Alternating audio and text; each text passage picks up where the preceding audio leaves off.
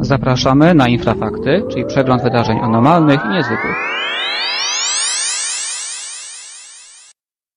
Witam w Infrafaktach 13 grudnia 2009 roku przy mikrofonie Michał Kuśnierz. Witam Piotra Cielebiasia. Witam. Infrafakty, przegląd wydarzeń anormalnych i niezwykłych. Zacznijmy może od tego, co wydarzyło się w Norwegii. Mieszkańcy Norwegii 8 grudnia 2009 roku byli świadkami niezwykłego widowiska, jakie rozegrało się na niebie. Zdjęcia, filmy szybko pojawiły się w internecie, na różnych stronach, serwisach informacyjnych. Również dotarły do nas, żeśmy o tym pisali w zeszłym tygodniu. Chodzi tu o swego rodzaju spiralę, która pojawiła się nad północną częścią Norwegii. Bardzo było to widowiskowe, niezwykłe. Ludzie zaczęli się zastanawiać, co to mogło być. Natomiast szybko sprawa się wyjaśniła, bo już na samym początku zaczęły pojawiać się sugestie, iż mogło być to spowodowane przez strzelenie pocisku balistycznego z jednej z łodzi podwodnych. Chodziło o rosyjską łódź podwodną. Piotrze, ale to chyba nie pierwszy raz mamy przypadek właśnie z niezwykłym zjawiskiem pojawiającym się na niebie. Oczywiście, że nie. Ja pamiętam film, który pojawił się przed kilkoma miesiącami, gdzie nad Moskwą, bodajże nad Moskwą, obserwowane było dziwne zjawisko, oczywiście wzięte za UFO. To, co się pojawiło w Norwegii było tak jakby podwójnie ciekawe, bo owa spirala była bardzo malownicza, to znaczy zdjęcie tego zjawiska jest no, niezwykle, nie, nie, nie, niezwykle ciekawe, tym bardziej mm, musimy mieć świadomość, jak zaskoczeni musieli być mieszkańcy Norwegii, którzy to widzieli, natomiast ja myślę, że oni są przyzwyczajeni do podobnych widoków, yy, bowiem takie starty obserwują często, zresztą eksperci tego nie, nie, nie, nie wcale nie, nie, nie, nie zaprzeczyli, że chodzi o wystrzelenie rakiety. Od razu też pojawiły się głosy o UFO oczywiście. Ja przeglądając tutaj komentarze na internecie widzę, że nadal wszyscy, nie wszyscy wierzą w te wyjaśnienia o pocisku Buława. Natomiast tak, masz rację, nie był to pierwszy tego rodzaju przypadek. W latach 80. podobne wydarzenie obserwowane no, tym razem przez y, załogi samolotów rosyjskich i no, właściwie radzieckich. Tak. tak, pisaliśmy o tym również, zaobserwowały coś podobnego. Miało być to dziwne, transformujące się UFO. W zasadzie dość podobne do tego, które widziane było nad Norwegią.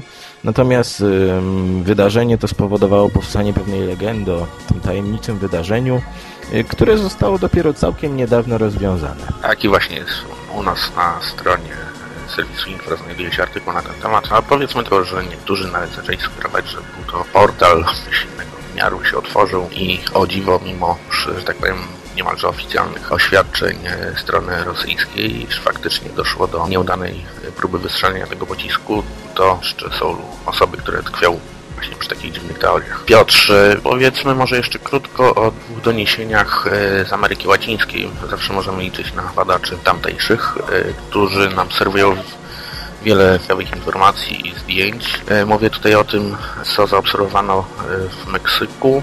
Również konano zdjęcia i filmy. Znaczy to były w zasadzie dwa zdarzenia, prawda? Jak już powiedziałeś, z Ameryki Południowej przychodzi do nas najwięcej relacji. One są bardzo zróżnicowane. To, o czym mówisz, materiał, który prawda, ma ukazywać niezwykłe obiekty, sfotografowane w Meksyku. Z tego co wiem, jeden, jeden z tych obiektów został zaobserwowany przez pana, który twierdzi, że jest w kontakcie z istotami z kosmosu, które prawda kontaktują się z nim za pośrednictwem radia. Ja nie wiem, ja nie wiem jak ten pan to robi, to jest jego tajemnica, natomiast musimy powiedzieć, że w Ameryce Łacińskiej istniała kiedyś tendencja, ona troszkę przygasa do, do prawda, nadawania temu regionowi jakiegoś szczególnego znaczenia ufologicznego, to znaczy pamiętamy, że, że, że, że prawda, Meksyk, Portoryko były widziane jako kraje UFO, gdzie kiedy tylko spojrzy się w niebo, coś widać. Niektórzy nawet dopisywali do tego jakieś spiskowe teorie mówiące, że są to kraje jakiegoś szczególnego przeznaczenia. No, dochodziła do tego oczywiście Brazylia. Ja tu mm, nie twierdzę, że nie dochodziło tam do ciekawych wydarzeń, cho choćby takich jak e, brazylijska noc UFO, jak operacja Spodek, prawda, szczególnie ciekawa z wielu względów. Będziemy o tym na pewno pisać. Trudno to zawrzeć w kilku słowach, natomiast prawda jest taka, że wynika to wszystko po trochu z e, latynoskiej mentalności. Ci ludzie często coś widzą, ale często też badacze, którzy otrzymują te doniesienia, tego nie sprawdzają. Tam bardzo często na przykład z Meksyku dochodzą do nas relacje o obiektach, które okazują się być potem balonami, tak. latawcami I tak było bardzo często i ja myślę, że potrzeba bardzo dużej selekcji, żeby wyodrębnić te, te, te, te naprawdę wartościowe relacje. Dokładnie. Staramy się to robić.